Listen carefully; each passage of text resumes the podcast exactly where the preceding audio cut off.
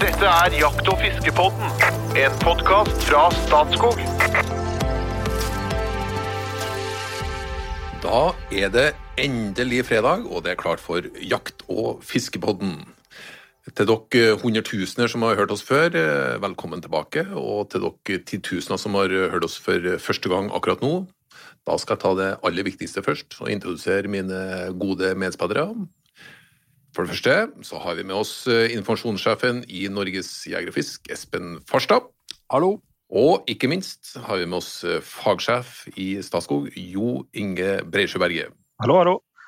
Den som prøver å styre, styre ordet her nå, det er kommunikasjonssjefen i Statskog. Navnet mitt er Trond Gunnar Skillingstad. Jeg er den som kan desidert minst i studio, men eh, går på med ganske stor entusiasme likevel. Eh, nå har vi jo kommet ganske langt på lista vår. Vi har jo rundt omkring 60 episoder ut. Eh, hvordan syns dere det har gått så langt? Det, jeg jeg syns det går bra, jeg. Jeg syns det er morsomt. Vi er, vi er jo innom masse spennende områder for eh, jegere og fiskere. Så eh, ja, dette kan vi holde på med i evig. Dette er jo som å sitte og prate rundt bålet i bunn og grunn, ikke sant? Ja, det er litt det samme. Jeg syns det er kjempeartig. Jeg hadde Jeg vet ikke hvilke forventninger jeg hadde heller når vi dro i veien, men jeg syns det er skikkelig moro. Og hvis sånne spørsmål fra de elevene der, jeg syns det er kjempeartig. Og vi har vært gjennom fryktelig mye temaer, og temaer som vi ikke hadde tenkt på. Det. Jeg er ikke redd for at vi skal gå tom for temaer heller med det første. Nei, for jeg føler kanskje det at uh, temaet som kommer på lista, bare øker og øker. Så, så lista som vi ikke har gjort, den blir bare lengre og lengre, egentlig. Mhm. Men i dag skal vi, apropos spørsmål, i dag skal vi eh, eh, det som er veldig eh, moderne. Vi skal interagere med lytterne. Så eh, i går la jeg ut en melding på Facebook og inviterte lytterne til å komme med spørsmål. Eh, Og det er alt innenfor jakt og alt innenfor fiske. Spørsmålene har uh, hamra inn på Messenger, og jeg har tenkt å slippe noen av, noen av spørsmålene på dere nå. Ti spørsmål skal lytterne få lov til å komme med. Er dere spent? Ja. Kjør på. Jeg var ikke godt forberedt? Nei, Går ikke an å forberede seg på dette her. forberede sånn. jeg er litt spent ennå. Jeg skal, jeg, eh, har, eh, jeg skal starte med en her nå som er ja, Det er helt åpenbart at jeg starter med, med den typen eh, spørsmål. For det er en fra Sørli, og han heter Tormod Bruce Solstad. Og nå må du høre spesielt godt etter, du, Espen. Hei, hvordan skal man lure gammaltiuren, både med bikkje og på støkk? Regner med gutta boys har noen lure tips. Med vennlig hilsen Tormod Blues Solstad fra Lierne. Og så, det er her du må høre nå, Espen. Stedet hvor tiur på fem kilo er dagligdags. Ja, det er, det er jo et begrep. Er, altså Tormod, du føyer deg inn i liksom trøndertradisjonen. Så det der Trøndertiurbegrepet er, er jo et begrep blant uh, skogsfugljegere. Og trøndertiurer det er liksom per def tiurer over fem, fem kilo. ikke sant? De er svære. Og det er jo det, det verste at det er jo Vi må jo bare innrømme at det er mye svær tiur i Trøndelag. Det er det. Men, Det verste er at det eh, er sant. Ja, det er jo det. Sånn at vi, vi må bare svelge unna den. Ja da, ja da, ja da. Nei, ta men litt, jeg tar litt kjapt om det før Espen eh, avslører alle hemmeligheter. her, Da. Så er det jo faktisk eh, teste ut det litt. Det er noen konkurranser om å ha, ha tyngste tiuren. Og de er i et belte rundt uh, Trondheimsfjorden, altså innover, uh, med kalkrik grunn. Og det er grunnet til at de er tyngre, faktisk, der. Uh, og på de noen hundre tiurer som uh, vi har merket på Varadskogen, så var vi den største Den var ikke oppe i fem kilo. Uh, fire mye var det? Fire-sju eller fire-åtte eller noe på våren. Så at, eh, og jeg har skutt i tiurer som er store, men da har det vært på høgde med Trondheim eller litt nordover i Sverige, som har vært over fem kilo. Så det er faktisk sant det der. Og mm. når du kommer lenger sør, så er de ikke så store. Så skutt en tiur, når folk skutter over fem kilo på Finnskogen, så vil jeg helst se den og veie den først. for Jeg tror på den. Det er godt å høre, Jo Inge, for jeg, jeg, jeg skjøt min livs tiur for noen år tilbake. og Det var noe baksing og slåssing, og det var ikke måte på. Og han eh, jaktkameraten min han kommer løpende gjennom skauen og lurte på om jeg hadde skutt et rådyr. For han syntes det bråka så fælt. Rådyr, se her! Sto jeg liksom i min livstiur. Og, sånn. og den var så svær! Altså, den, den Jeg har stoppa den ut, faktisk, i flukt. Så det er en, det er en flott kjempetur. Men den veide 4,6. Jeg var, jeg var, Og det var den største tiuren jeg hadde sett, nesten. ikke sant? Så jeg har uh, til gode å få meg en tiur over fem kilo. Da må jeg nok til Trøndelag, ja, det er helt sikkert. Hjertelig velkommen. Men uh, gammeltiuren, det er liksom ja. selv, selv, om hjernen er relativt liten, så overgår den eh, oss i taktikk veldig ofte, gjør den ikke? Jo. Og det mm. Altså, det er dette er det vanskeligste viltet å skyte i hele skauen. Det, det, det, mener jeg. Er en, dette er en slu, gammel slask som har vært med på det meste. Ensom grinebiter er liksom det bildet jeg har inni huet mitt. Og veldig sterkt å posisjonere seg i terrenget, sånn at ikke du skal kunne komme innpå den usett, liksom. Eh, gjerne oppe ei høyde, akkurat passe tett skau til at han både kan gjemme seg, men har god oversikt over situasjonen. Det er hjemmebane. Han er kjent der, så han veit akkurat åssen det er. Og du kan ta deg på at når du kommer inn på en sånn tiur, og den, du, du, kan vite at den er der, for den er jo på en måte, han bor jo i området, i hvert fall på tider av året. Da, så når du er inne og skal jakte på den der, du kommer inn i terrenget, du vet, et eller annet sted her er det. ikke sant? Jeg veit det bor en gammel tiur her sånn. Samme åssen du sniker inn på dette, så klarer den på en måte å vippe seg ut bak ei grantette, sånn at du bare hører de tunge vingeslagene. Det er knapt så du ser den. Så jeg, jeg skjønner spørsmålet til Tormod. Dette er så vanskelig! Og du kan bli så frustrert. Uh, og, og, at du blir gæren. Altså jeg skal ikke si noe om jakt med bikkje, det må du ta, eh, Jo Inge, for det er ikke mitt uh, område. Men som stuckjeger så er dette det optimale, og det krever at du lever deg inn i hvordan det er å være tiur i skauen. Skal du ha sjanse til å lykkes på dette? Sånn. Du kan begynne med å spise krekling. Ikke sant? Du må oppføre deg som fuglen når du går inn i terrenget. Jo, men hvis du kommer i et område med mye krekling eller blåbær, da er du på en måte i, i, i godt fugleland med en gang, for her er det mat. Og så må du lese skauen og skjønne dette med skjørtegraner, ly og skjul og åpenhet. Altså, dette, alt Du må tenke som en tiur, rett og slett, skal du ha sjanse her sånn. Du må gå sakte.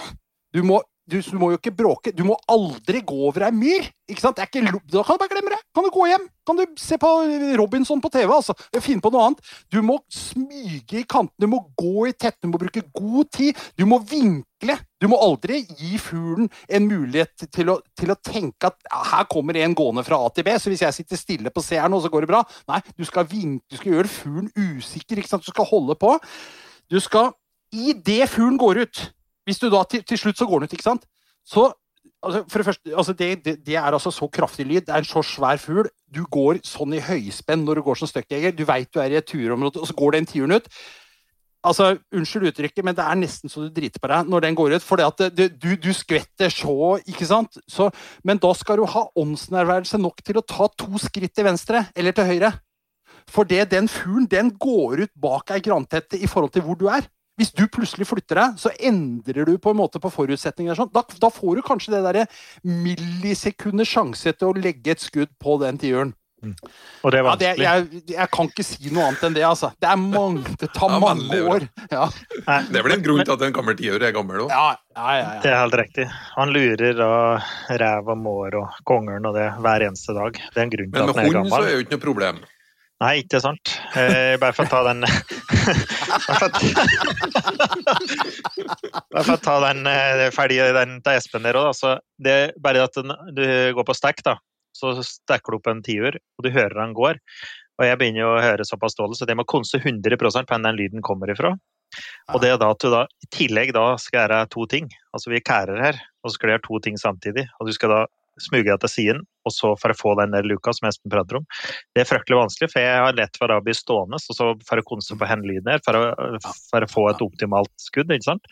Men det er jo som Espen sier, hvis, hvis, du, hadde, hvis du klarer det, og fokusere på det, og så rett og slett posisjonere deg, ta, ta, to steg til sida, så vil du mest sannsynlig få bedre luke da, på den. Og når det gjelder hund, og gjelder å få gammeltiur, så på en spor etter hesten du skal klare å liste, overliste dem, så er det ved de to sikreste måter for å få seg en gammeltiur, er enten teppejakt på øh, før jul da, i Norge eller etter jul i Sverige på vinter, eller med treskjeller. Det er vel de, antageligvis de enkleste måter. Og, og, nå prater vi enkelt. Det er ikke noe av det her som er enkelt. Det er fryktelig vanskelig. Men mm. eh, i den grad at du skal få deg en gammel tiur, så kanskje de to måtene de enkleste, da. I gamle dager da var det jo spillejakt, da var nok det den enkleste måten å få seg en gammel tiur.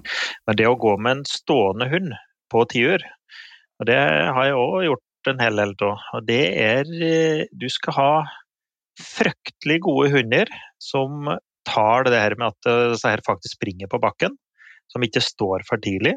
Det er stort sett et problem. At eh, hunden blir litt forsiktig. Han skal være så heit hund at han nesten stikker den. Han skal presse den så hardt at tiuren velger å trykke i stedet for å springe under på beina. Og da har du en hund som stikker tiuren en del ganger, og òg får den til å trykke, da, særlig tidlig i jakta.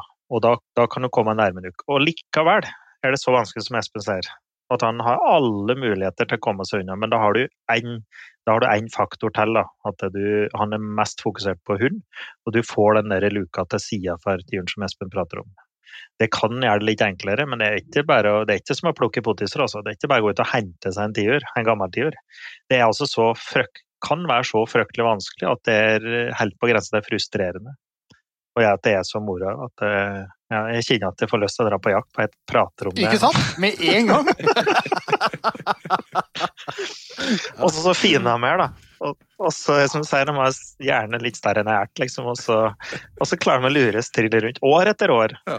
Og så er det, Da du lykkes, så vet du at du gjorde det riktig. Men, men jeg anbefaler som Espen sier, du må, du må legge mye innsats. Du må bruke mye tid. Og gud hjelpe meg mange dager jeg har i skogen etter tiur. Mm. Opp igjen både på stekk og med hund. Du må bruke fryktelig mye tid for å vite hen i terrenget mer, altså helst da i et terreng der du er kjent, og blir kjent, og blir bedre og bedre kjent. Hen, da er det noen områder det alltid vil være tiur på. Og så er det òg første variasjoner gjennom høsten, da, hen mer. Og, Men er du ikke enig, Jo Inge, at du ofte så vil du finne gammeltyren litt, litt altså, ikke, altså høyt, ikke høyt i terrenget, høyde over havet, men høyt i forhold til, til eh, hvordan biotopen ser ut som du jakter i. Altså, hvis du har ei kolle, så vil du ofte finne ja, Du vil ofte finne røya litt lenger ned, ikke sant? I den derre tettskauen som er kanskje ned, nedenfor. Og hvis du støkker ut ei røy på vei inn hvor du er på vei opp ei lita kolle, og det sitter ei røy nedi der som går ut, da skal du være ekstra oppmerksom, altså, for da er det gode muligheter for at du er i, i storfuglland, og at det sitter en tiur oppå toppen der. Ja. Så det er, han, det er, det er liksom å lære seg å lese de der tinga der, altså. Ja. ja. Og han vil jo slippe seg ut. Han vil jo helst ikke lette oppover, så han vil jo helst slippe seg ut. Så han vil jo da helst søke seg litt opp for å få muligheten til å slippe seg utover. Da. Han er jo så tung at han, det å lette og flukte er jo liksom siste utvei, da. Sant? Så vi jakter har... jo nedenfra opp på skrå opp lia. Jepp. Ikke sant? Ja, og så er det om det å prøve å få nedoverbakke. Og, og det, å, jeg har, det har faktisk svømt på at de er lette oppover. Da jeg var helt sikker på at nå, nå nå har jeg den. Hadde den fram av bikkja, og så lette den på skrå oppover. Og så slapp seg utover. Og så fikk den ikke likevel. Apropos introen, så hører jeg jo at dette her er jo egentlig minst en hel episode å sitte og gå gjennom. Men eh, supert.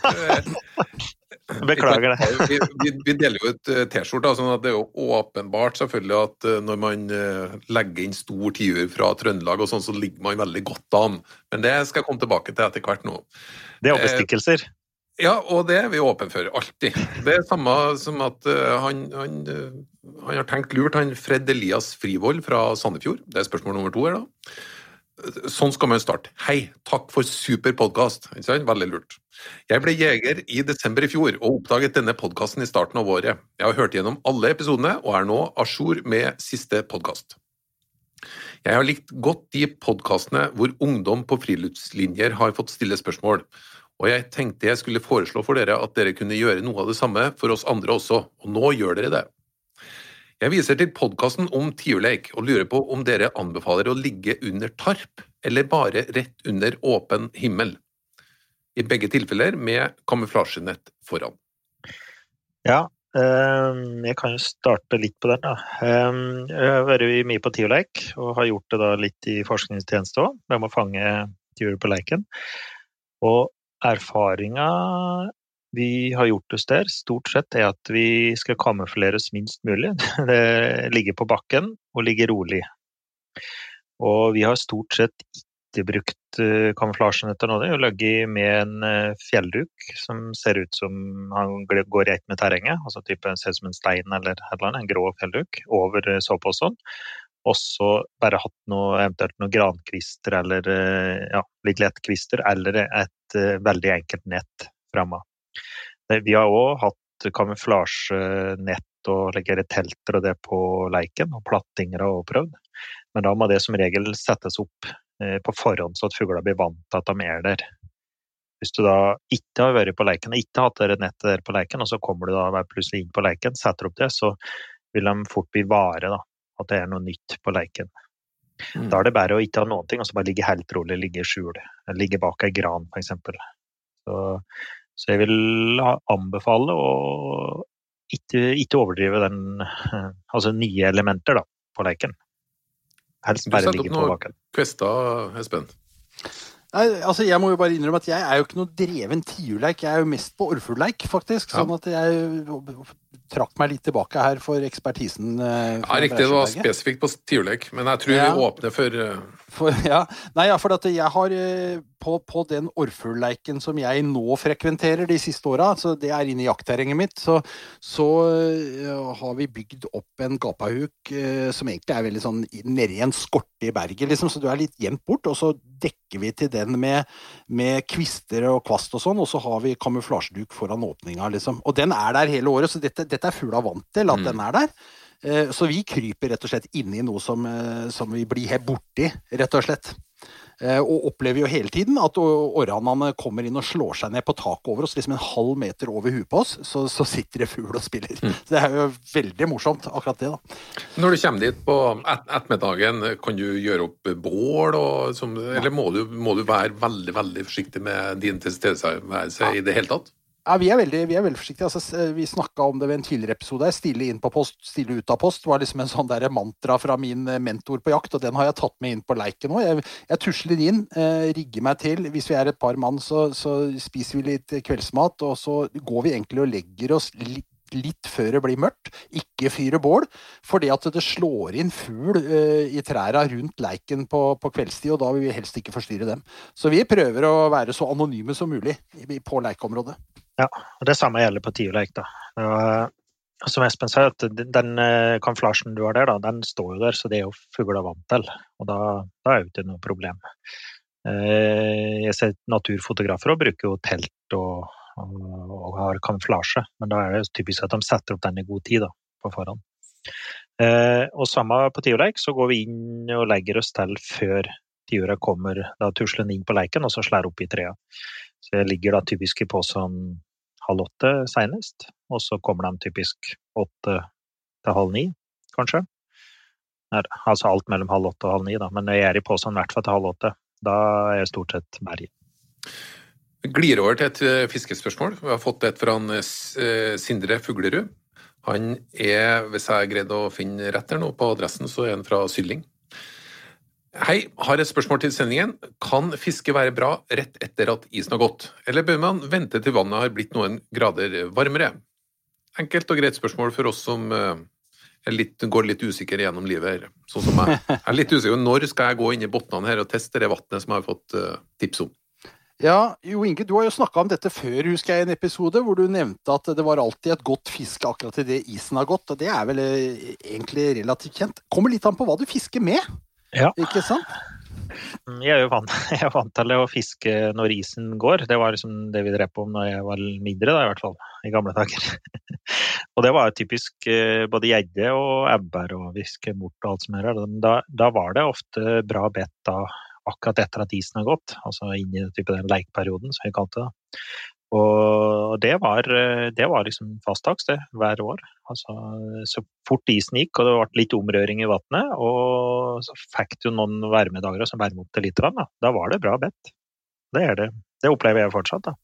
Men har, jo, har, har samme erfaringen, men da snakker vi ofte litt om slukfiske eller eh, wobbler etter gjedda eller, eller, sånne ting. Når det, gjelder, ja. når det, gjelder, fluefiske, så er det jo også kan det være faktisk ganske spennende fiske akkurat når isen går. Du får en litt sånn eh, Enten kan det være steinfluer eller fjærmygg som, eh, som holder på. og det kan være, det er liksom ikke massive klekkinger. Det er ikke sånn at fisken står og maskinvaker, men det kan være en og annen fisk som driver og cruiser rundt langs iskanten og litt utpå.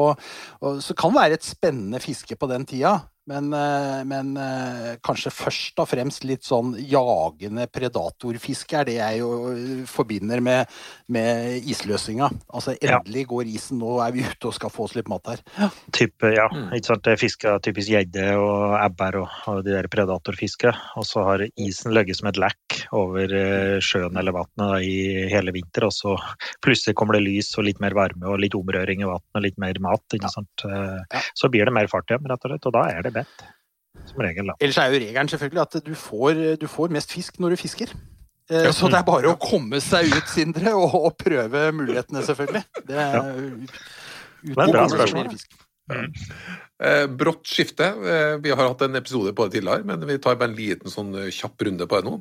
Det er fra Marita Myrene fra Søre Osen. Hei, jeg lurer på hva dere tenker om buejakt i Norge. For eller mot? Hvorfor? Hvorfor ikke? Stort spørsmål, men eh, berør. Veldig, vi, vi har veldig, jo snakka om det før. Ja, det, det, er veldig rett på. Det er veldig vanskelig å svare helt eksakt på det.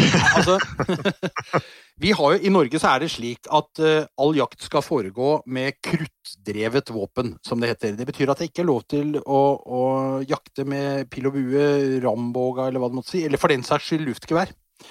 Uh, som jo også er tillatt i en del andre land. Uh, det er for og mot her. Altså, det er ingen tvil om at en moderne buejeger, slik vi kjenner dem representert gjennom Norges buejegerforbund f.eks., eh, kan ivareta alle krav til human og sikker jakt.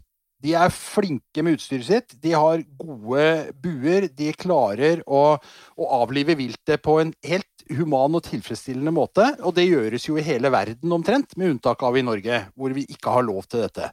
Så rent sånn hva skal vi si, dyrevernsmessig og faktisk i forhold til å, å være på jakt på en, på en, skikkelig og ordentlig høyetisk måte, så tror jeg at man kan ivareta dette. Men så har det, det har en annen side, dette jeg har lyst til å si, det, og det er liksom jaktas standing i samfunnet. Det er veldig viktig at vi jakter med et godt motiv. Altså Vi skyter vilt fordi vi skal ta det med hjem til kjøkkenbenken. Det skjønner alle, at da har du, god, har du et godt argument for å gå ut og skyte et rådyr eller en elg. Men så er det liksom at dette skal skje på en måte som er effektivt og med minst mulig lidelse for dyret. Selv om bue nok kan fylle det kravet på mange måter, så er det en overgang fra noe vi er vant til, det å skyte med et, en rifle som er god teknologi, på en måte, til å måtte komme nærmere inn på byttet og bruke en enklere form for metikk, det kan være vanskelig å forklare folk som ikke har greie på dette. For å si det sånn, da. De som ikke er jegere, skal også forstå dette. For jakta skal ha en standing i samfunnet. Så der er liksom Ja til buejakt, men, men vi må gå sakte fram her. Kan jeg si det sånn? ja, jeg må slenge meg på, ja. Jeg syns det var hyggelig å få spørsmålet fra Innlandet, da, fra Hedmark. Ikke, så bare få sagt det. Um, jeg er enig med Espen. Jeg er enig med Espen i alt den sier der. Jeg er av den oppfatninga at dette her tror vi fint hadde klart. Jeg tror slik som å jakte råbukk eller rådyr, det tror jeg hadde fungert helt fint. Og vi vet at de der buene der, de er mer enn sterke nok til å ta livet på de hullene som de blir skutt på. Det krever ganske mye av jegeren. Og så er det litt dere, Hvis jeg skal sette ett punkt eh, For jeg har prøvd å skutte med bue i USA. Jeg har jo venner i USA og vært på besøk der, og de er jo veldig opphengt i buejakt.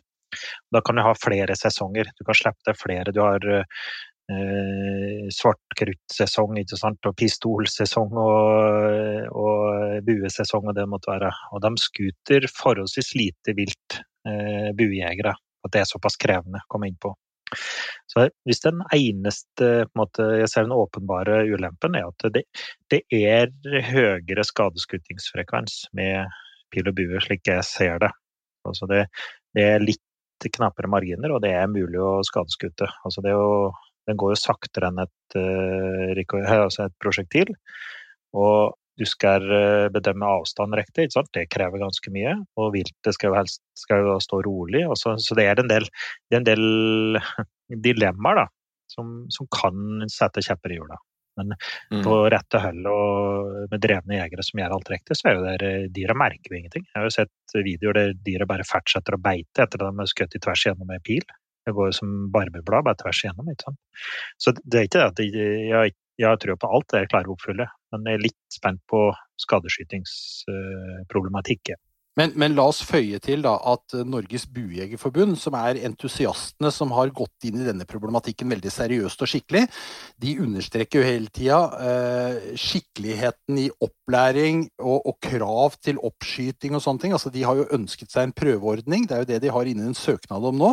En prøveordning på bueskyting i, i Norge, og, og, hvor det da skal legges krav til deltakerne om at de må gå gjennom en buejegerprøve årlig, eh, og på en måte dokumentere sine ferdigheter etter før man slippes ut med bunn. Så jeg, jeg syns jo de har uh, tilnærmet seg den problematikken på en veldig skikkelig måte. Og uh, uansett om man er for eller mot, så skal man vel ikke lukke døra uh, med et smell før man har utreda mulighetene på ordentlig.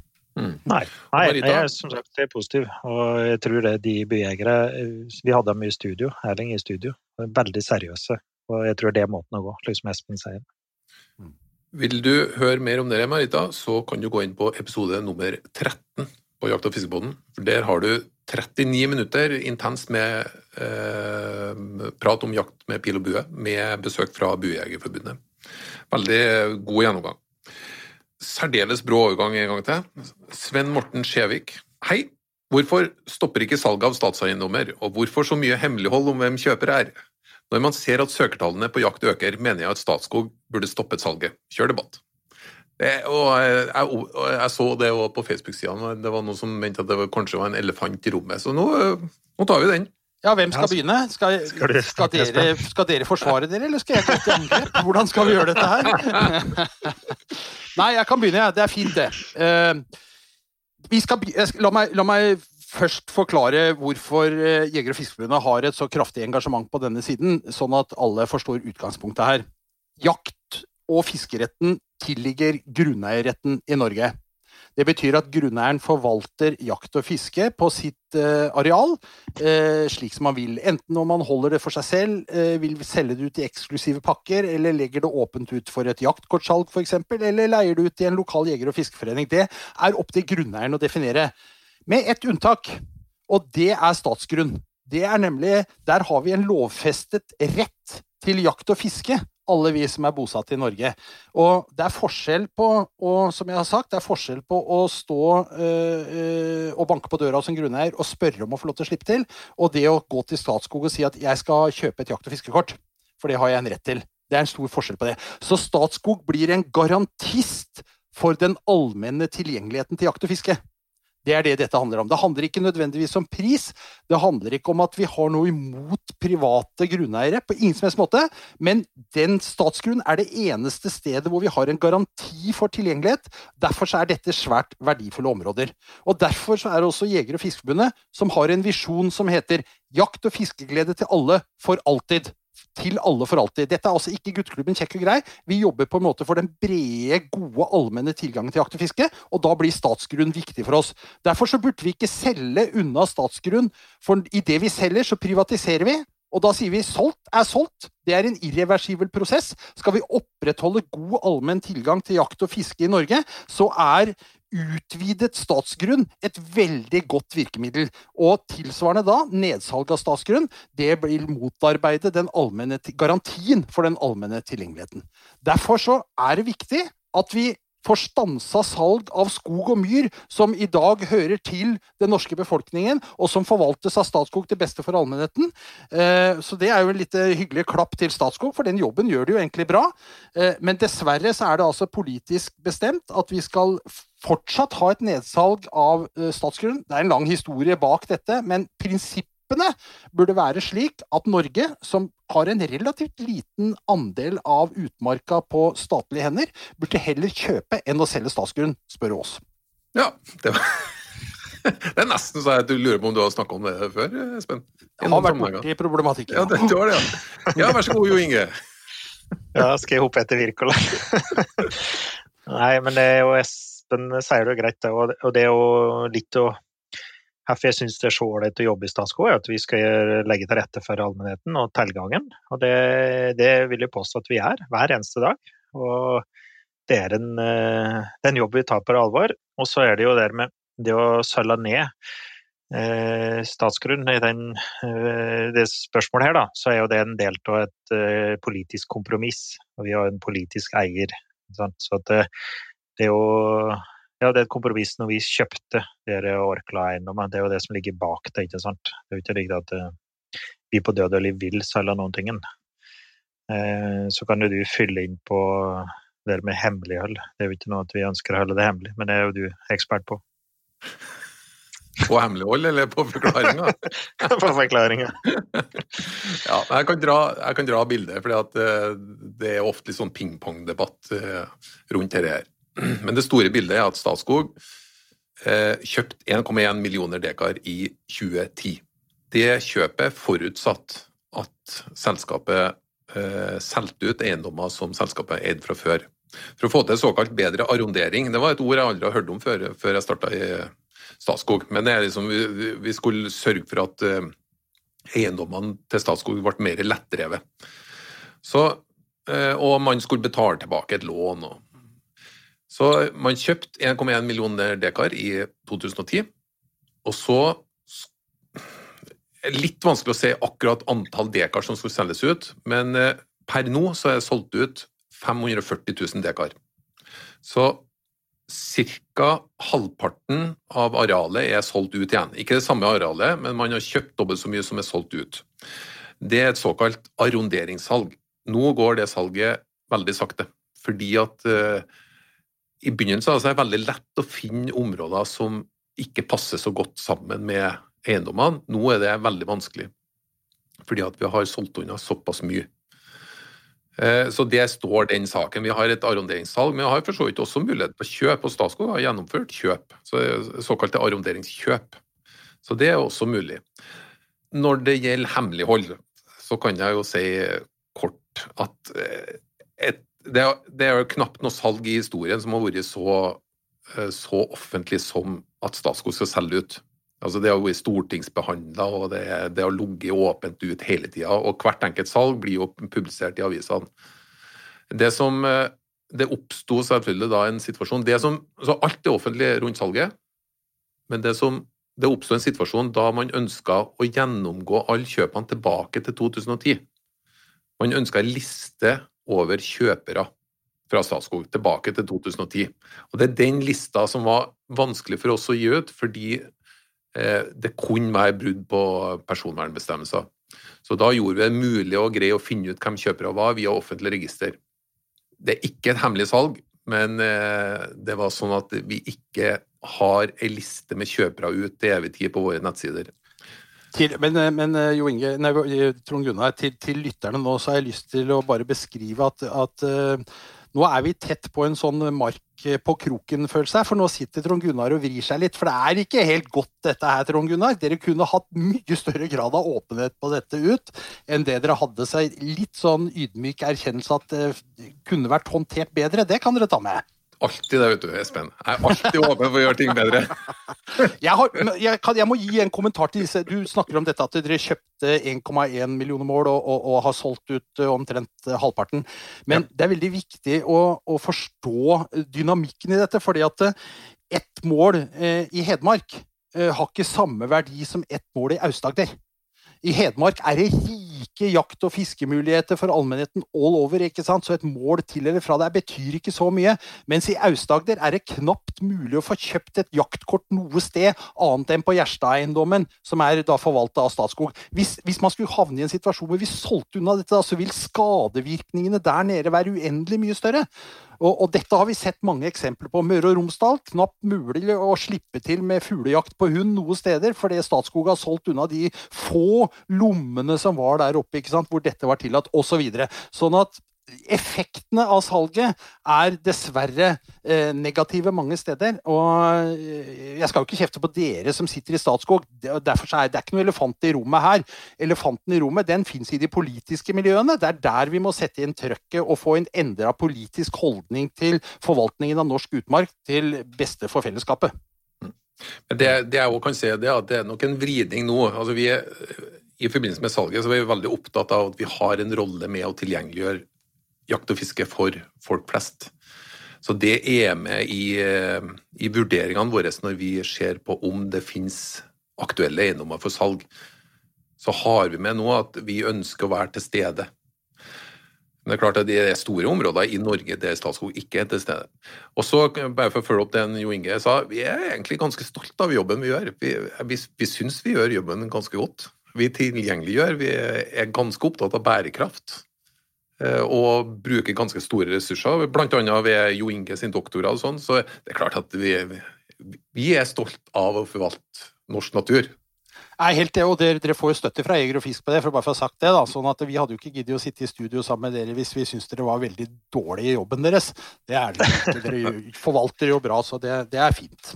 Ta, bare ta gladhistorien oppi det, Espen, slik som Finnemarka. da. Det, det, er jo på en måte en av de store som Altså, det er jo tilgjengelig jakt rundt Finnemarka, men eh, vi har jo tross alt tilgjengeliggjort eh, for allmennheten et stort område der det bor fryktelig mange rundt. Så det er for eksempel, det er en, det er en gladhistorie i det kjøpet her. da. Finnemarka er bymarka til Drammen og Lier, da, bare for å forklare for de som ikke er mm, lokalt kjent. Men så, ja, som ble åpna gjennom, gjennom Statskog-oppkjøpet av Borregaard Eller Børresen var det vel der oppe, da, men eiendommer. Mm. Mm. ja. enig i det. I den grad noen frykta det var en elefant i rommet, så er den i hvert fall sluppet løs. Eh, nå glir vi over til Eskil Bakken. Han, har, eh, han er fra Trondheim. Spørsmål rettet eh, spesielt til Espen Farstad. Kan du forklare forskjellene på fluesnører og de ulike størrelsene og egenskapene de har?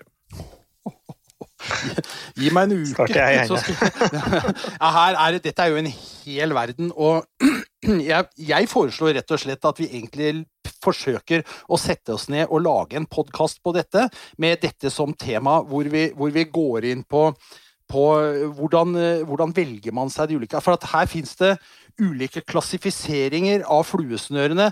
Litt på samme måte i prinsippet som du kjenner fra vanlig fiskesnøre. Du bruker kanskje 0,25 når du fisker abbor i et innlandsfiskevann, og så går du opp til 0,35 når du skal fiske torsk i sjøen. ikke sant? Altså Du har en sånn som sier noe om tykkelsen. Det samme har vi jo på fluesnører. Det er jo såkalt AFDM-klassifisering.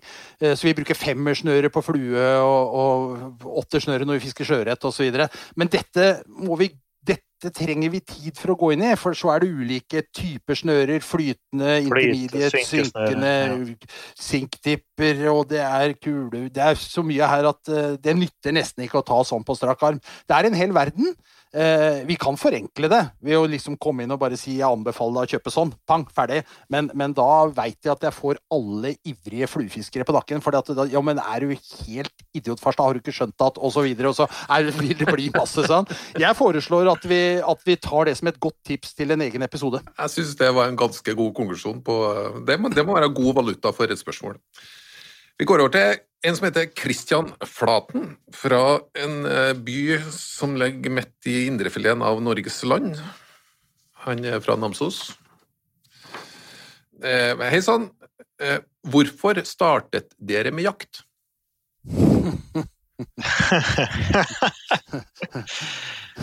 Ja, Det er jo i utgangspunktet en genfeil, er det ikke det? Nei, jeg tror det er en genfeil, ja. jo Inge, du får begynne. Du er jo fettjeger. jeger. Ja, hvorfor jeg begynte med det? Eh, det er litt det samme som jeg skal prøve å forklare hvorfor jeg driver på med det. Um, det er et eksistensielt spørsmål for meg. Jeg har jaktet så lenge jeg kan huske. Jeg var med på ja, Jeg var med første uka, hele uka på elgjakt i 1982. Da var jeg seks år. Da var jeg med hele uke og bidro sammen med de andre med å flå elg og dra ut elg og sitte på post og drive fram elg og alt det der. Og har gjort det hver eneste første uke elgjakta etterpå. Eh, og vi jakter hære og vi jakter skogsfugl og det, og det var eh, Jeg er rett og slett født inn i det. For meg var det helt naturlig, en del av den høstinga. Eh, så jeg, jeg, har ikke noe veldig god, har ikke noe veldig godt svar på det. Jeg har egentlig aldri stusset på hvorfor jeg driver på med det. For det har vært så naturlig for meg at det, tror jeg må være en genfeil. Ja. Pluss at når jeg vokste opp, så var det jo ikke så fryktelig mye annet rart å drive på med. Altså, vi hadde ikke så mange tidstyver eh, når jeg vokste opp. Eh, vi drev på med idrett og skuting, og, og, så var det jakt og fiske. Og Det var det det gikk i, og det gjorde alle gutter der jeg vokste opp. gjorde det. Nå er det jo en del jenter som gjør det, men da jeg vokste opp, så var det typisk en guttesport. Og vi lærte det av hverandre, hele guttegreie.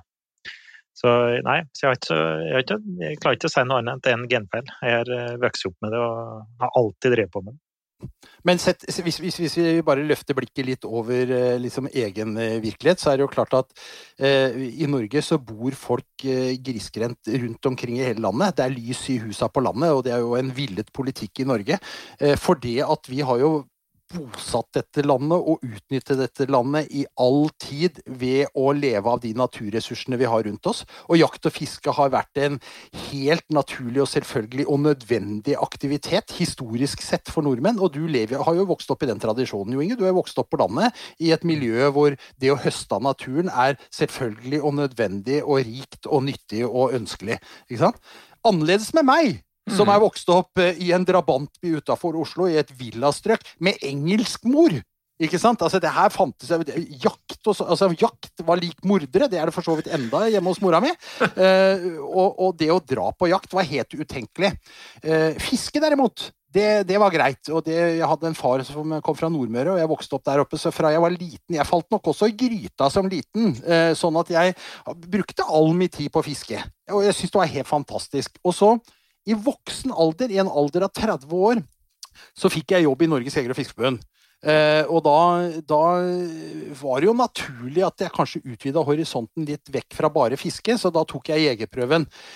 Litt motvillig, skal jeg innrømme. Jeg kunne ikke egentlig skjønne at jeg skulle ha tid til å drive med jakt, for jeg hadde så mye fiske som jeg drev med. Og det var jo uendelig mye mer morsomt enn jakt, tenkte jeg. Men så var jeg altså ute i skauen første gang, aleine med hagle og gikk rundt etter denne tiuren som vi snakker om. ikke sant? Og da fikk jeg den derre indianerfeelingen som jeg hadde når jeg var liten. ikke sant? Når du sneik deg rundt i skauen og leika cowboy-indianer, sånn som vi gjorde når vi var små. Den kom så i fullt monn på jakta at jeg bare kjente off, dette, dette er Nå snakker vi, liksom. Så det, det, de derre to urstrengene som er spent inni alle mennesker, de begynte å svinge litt sånn dyp uh, vo, vo, vo her. Nå var vi inne i urmennesket. Dette er meg. Jeg skal, fy fader, jeg skal bli jeger. Dette, så, så det, det, traff noe så 100% inni der sånn. Men jeg har ikke vokst opp med det. Så jeg, jeg kom inn i det en annen vei enn deg, Inge. Men, uh, så det er håp for alle. Bare å ta jegerprøvekurs og melde seg på. Det er en fantastisk verden som ligger og venter på deg. Og ser, ser vi de lange linjene, så har vi jo vært, vi har jo vært jegere, fiskere og sankere eh, helt fram til våre dager. Da vi har vært mer urbanisert. Så vi har det jo i genene våre. Det ligger jo nå bak her. I, det er en grunn til at vi har overlevd, rett og slett. Vi, vi er kulturbærere, vi jo, Inge. Vi er kulturbærere. Helt ja, det er vi.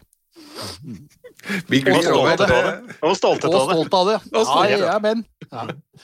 Ja, det er bra. Kristian Flaten, håper jeg var fornøyd med svaret. Eh, vi glir over til et spørsmål fra det er spørsmål nummer åtte, faktisk. Sondre Bonden Berget. Han er fra Steinberg. Hvilket jaktminne er det som sitter mest igjen etter alle år som jeger? Ja Jo Inge? Ja, nei, jeg driver og tenker, da. Uh, dere angrer litt nå på at dere ikke får spørsmålene her på forhånd? ja, eh, jaktminner Jeg har jo mange bra jaktminner. Jeg må tenke meg Første vilt jeg skjøt, det var skadefelling på en flaggspett. Eh, det husker jeg ganske godt, for da fikk jeg flere patroner. Eh, ellers så er det første råbukken min, eller første Nei, jeg, på Jeg klarer nesten å skutte trippel på tiur en gang. Det må jeg si kanskje er det heftigste jeg har vært med på. Eh, ellers er det første råboken min som kanskje liksom skiller seg ut, da, som de virkelig Altså, da hadde jeg gjort alle forberedelser, og, og så til de grader også lyktes. Så skjøt jeg en liten bukk istedenfor en stor jeg egentlig skal ha, men eh, det er kanskje det minnet jeg husker husker ja, kanskje det jeg husker best. Nå vil jeg bare legge til overfor lytterne at uh, vi snakker nå med en mann som har en skala fra en 8-9 til 10 når det gjelder alle jaktopplevelser, og har navn på alle bukkene han har skutt i, og kan fortelle på hvilken måte de ble skutt i, hvor de ble skutt i, når de ble skutt i, alt sammen. Så, men likevel så var du kanskje i stand til å plukke frem ett minne i litt Harry Potter-stil eller noe. Så over til Espen, vær så god. Ja da, nei, det er som Jo Inge har mange, og det skal jeg liksom velge fugl, eller hva skal jeg velge? Men jeg, jeg husker særlig én situasjon hvor jeg hadde kara meg opp ei ulidelig bratt hjorteli borte på Vestlandet uh, og satt på en sånn vi kaller det uglepost, hvor liksom uh, hjorten kan komme enten nedenfra eller langs med berget ovenfra. Så du sitter sånn forsiktig med huet og dreier fra side til side som en ugle mens du sitter der og prøver å sitte stille. Og jeg husker jeg, jeg, jeg hadde liksom sett ned, og så dreier jeg hodet sakte opp og ser opp. Og så skal jeg liksom dreie og se ned, og så står det plutselig en hjort rett foran meg på 12-14 meters hold. En hjortebukk. Jeg, jeg, hadde ikke hørt den, jeg hadde ikke sett den. Jeg, jeg fatter ikke den det, altså Jeg kan i dag sverge på at den poppa rett opp av bakken. I hvert fall så sto den her, da. Og så, og så fikk jeg, og så, og så stelte den seg litt bak et tre, og så fikk jeg liksom lagt opp rifla. Så måtte jeg, jeg husker jeg måtte vippe vippe meg litt sånn sidelengs til venstre for å komme rundt treet. Og, og fikk skutt den, da. Og det, det, var en sterk opplevelse, altså. Mm. Var, da får du bli litt ydmyk òg, vet du. For at du sitter der og tror du har full kontroll, og så er du egentlig helt uh, hjelpeløs i forhold til det fantastiske dyret. Ja, så nei, det var, det var stort. Jeg vet ikke om det er slik med deg, Espen, men for meg også er det ofte eller jeg husker mange episoder der det har nesten lykkes, eller der jeg har gjort drite meg ut av. Altså de kan være like sterke, de. Altså, ja, men det vil jeg helst ikke snakke høyt om. oh, vi skal nok lirke dem ut etter hvert. ja, ja, vi glir over til et spørsmål fra Joakim Engan. Det er litt, eh, litt annerledes spørsmål igjen. Det er spørsmål nummer ni. Vil det være mulig å få til regulær vårjakt på gås i stedet for skadefelling? Mange steder kommer store mengder gås på våren og sommeren, men når jakta begynner er de borte. I utgangspunktet kan jakta være før hekkesesongen, men det er gjerne lett å skille mellom hekkefugl og de som ikke hekker, basert på valg av beitested. Har ingen forutsetninger for å bidra til svar. Jo Inge, dette må være ditt eh, fagområde, vel? Ja. Um, jeg vet ikke helt hva jeg skal svare på den. Altså, det er jo, eh, til spørsmål om det er mulig å få til, så er det jo det mulig å få til. Altså, det er jo vårjakt eh, både tradisjon fra gammelt av, altså type inuitter, urbefolkning, eh, har hatt tradisjon for å jakte både gås og ender på våren. Feite fugler. Trengte feite. I vår tid så er jo ikke det nødvendigvis et tema for oss, da. Og som du ser, før hekkesesongen så er det jo fullt mulig å skille ut og og skute rett fugl det. Eh, det er nok mer en prinsipiell sak, da, eh, om vi skal tillate vårjakt. Altså en etisk og prinsipiell sak. For det, like, Biologisk så er det for så vidt ikke noe i veien for det er det, på stammer som tåler den beskatningen. Men eh, det blir fort mer en politisk og etisk problemstilling, kanskje. Du snakka om at det gikk an å jakte på fugleleik. Blir det litt som ikke går an nå lenger? Ja, det og det er, det er, prinsippet det samme. Og det er de jo fortsatt i Russland og, og østover. Eh, og det er egentlig for så vidt uproblematisk. at har du en art der eh, hannen kan bedekke mange hoer. Og det vil jo alltid være at hannen er på leiken, så det er ikke at selv om du skuter én hanne der, så vil det være flere som kan ta over. Så, så slik sett så kan du regulere det uten problemer. Så det er litt, litt tilsvarende. Det er bare om vi syns det er greit. Det er litt sammenlignbart med rugdejakt. Det var jo en vårjakt altså på spillende hanner som trekker. Eh, og over ja, 99% av de som eh, spiller og trekker, er hanner, så det er en ganske uproblematisk jakt. Eh, men det ble forbudt da, i hele Europa. Og, og litt det samme, at våren er på en måte yngletida, da skal viltet ha fred. da og ro. Mm. Men jeg, jeg, eh, jeg, skal ikke mene så sterkt om dette. Jeg, jeg, ser utfordringen. Vi har altså sterkt voksende gåsdammer vi har hatt i, i, mange år nå. det, eh, ja, Noen går tilbake òg, men, men altså kortnebbgåsa, grågåsa eh, Mengder. Og, og realiteten er ganske stor utfordring for landbruket mange steder. Eh, det er jo ikke vårt gebet å drive den type forvaltning, men, men jakta er jo en del av det hele. sånn at vi skal se det sånn. Men jeg kunne tenke meg å foreslå også gåsejakt og gåseforvaltning som et eget tema. at vi henter, For her finnes det en del meget kompetente personer som kunne vært med oss i, i, i podkasten og prata litt rundt dette. For dette er, en, det er et stort og viktig tema. Ja, så kortversjonen er at ja, det er fullt mulig. Og vi har eh, det å mm, forske på f.eks. Kortnegås, et kjempeprosjekt. Samarbeid med europeere, eh, der vi i prinsippet Norge og Danmark står for høstinga på kortnegåsa. Og en måte å nå de fellingsmåla på, når vi ikke har skutt nok kortnegås i Norge på høsten, er å utvide jakta i Danmark etter jul. Veldig enkelt å nå fellingsmåla der. Eh, men det er da på produksjon, ikke sant. Og I tilfellet han her, så er det jo Eh, stamfugl du høster av på våren. Så det er klart det er noen problemstillinger. Men eh, kortversjonen er ja, det er mulig å få til hvis vi vil. Mm. Så kan jeg legge til av min eh, flora av kunnskap at vi har jo en kortnebbgåsfestival litt sør for Namsos, på Beistan. Har dere vært der? Jo, yes. Ikke på festivalen, men på jakten, okay. ja. ja. Ja, det har du vært, ja. Selvfølgelig. Noe annet ville ha vært overraskende. Ja, vi har rett og slett kommet til siste spørsmål. Er dere klar? Ja. Igjen et litt annerledes spørsmål. Det er fra en, Vegard Vestby Kristiansen. Han kommer fra eh, Eidsvoll. Spørsmålet er hvilke forventninger har dere til den nye viltloven som kommer, og hva tror dere blir den største endringen for den jevne jeger?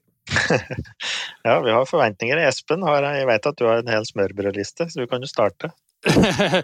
ja, altså eh, Viltloven har ikke vært modernisert på, på, mange år, så det er kanskje på høy tid at, eh, at, det kommer noe. Så vi i Jeger og Fisk møter på en måte dette litt eh, Det er vel 40 år siden viltloven sist ble endra, tror jeg. Ja, 81. Eh, 81 ja. ja, ikke sant. Ja, det blir jo 40 år, det.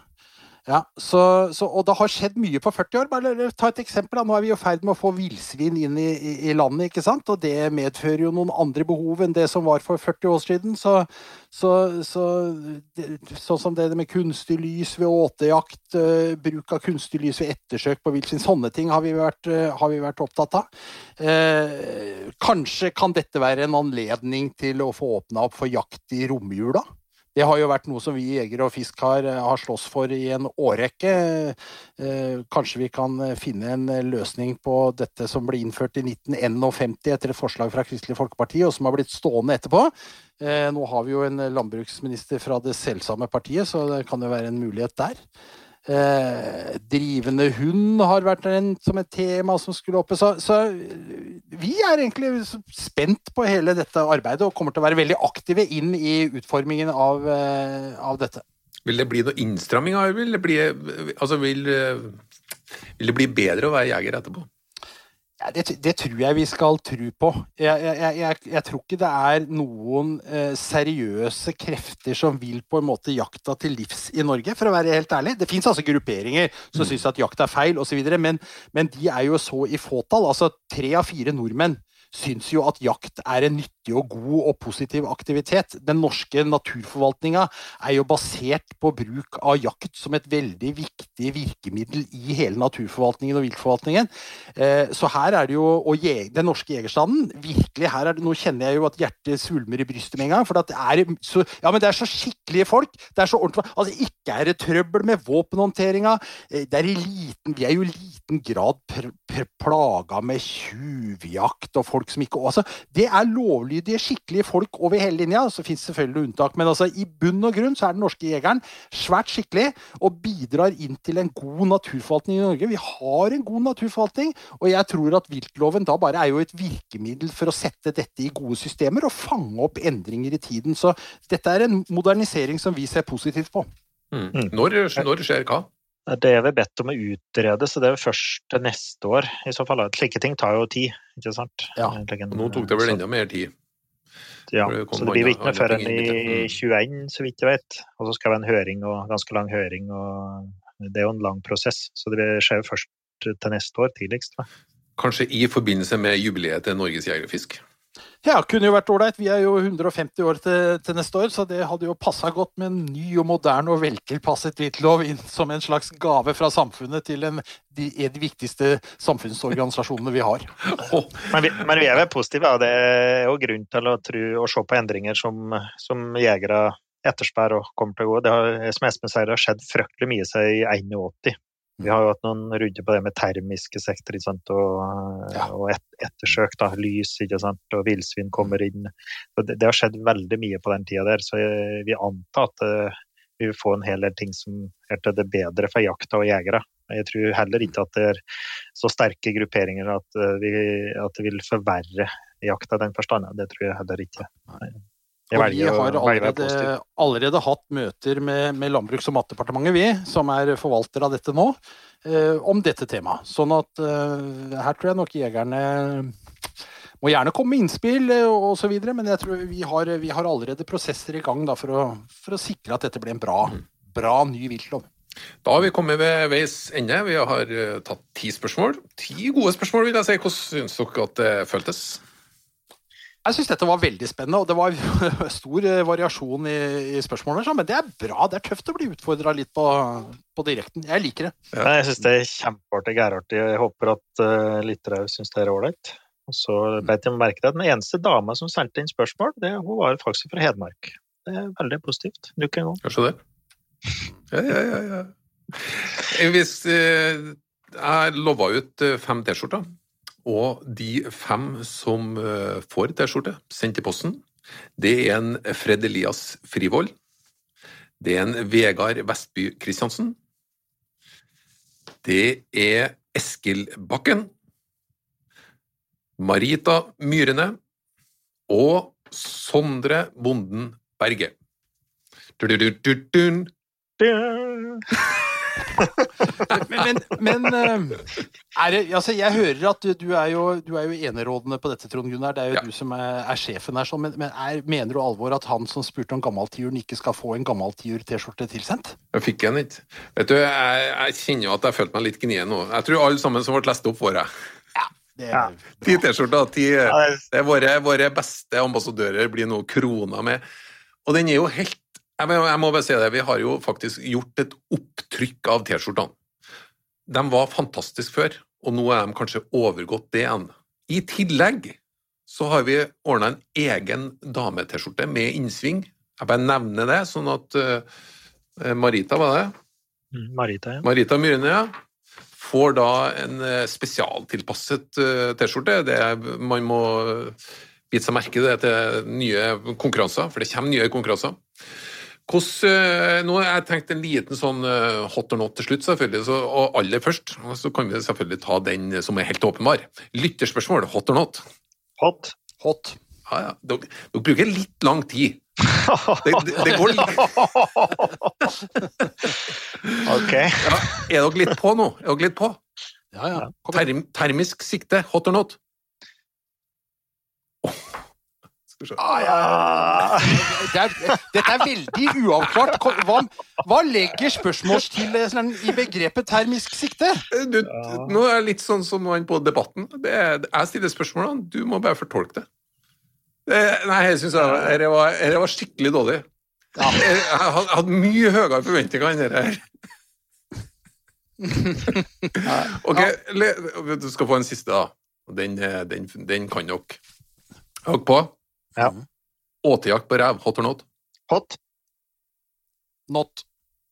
Ante meg. Det ante meg. Høg tier. Da Da skal jakt- og fiskepodden gå ned for landing.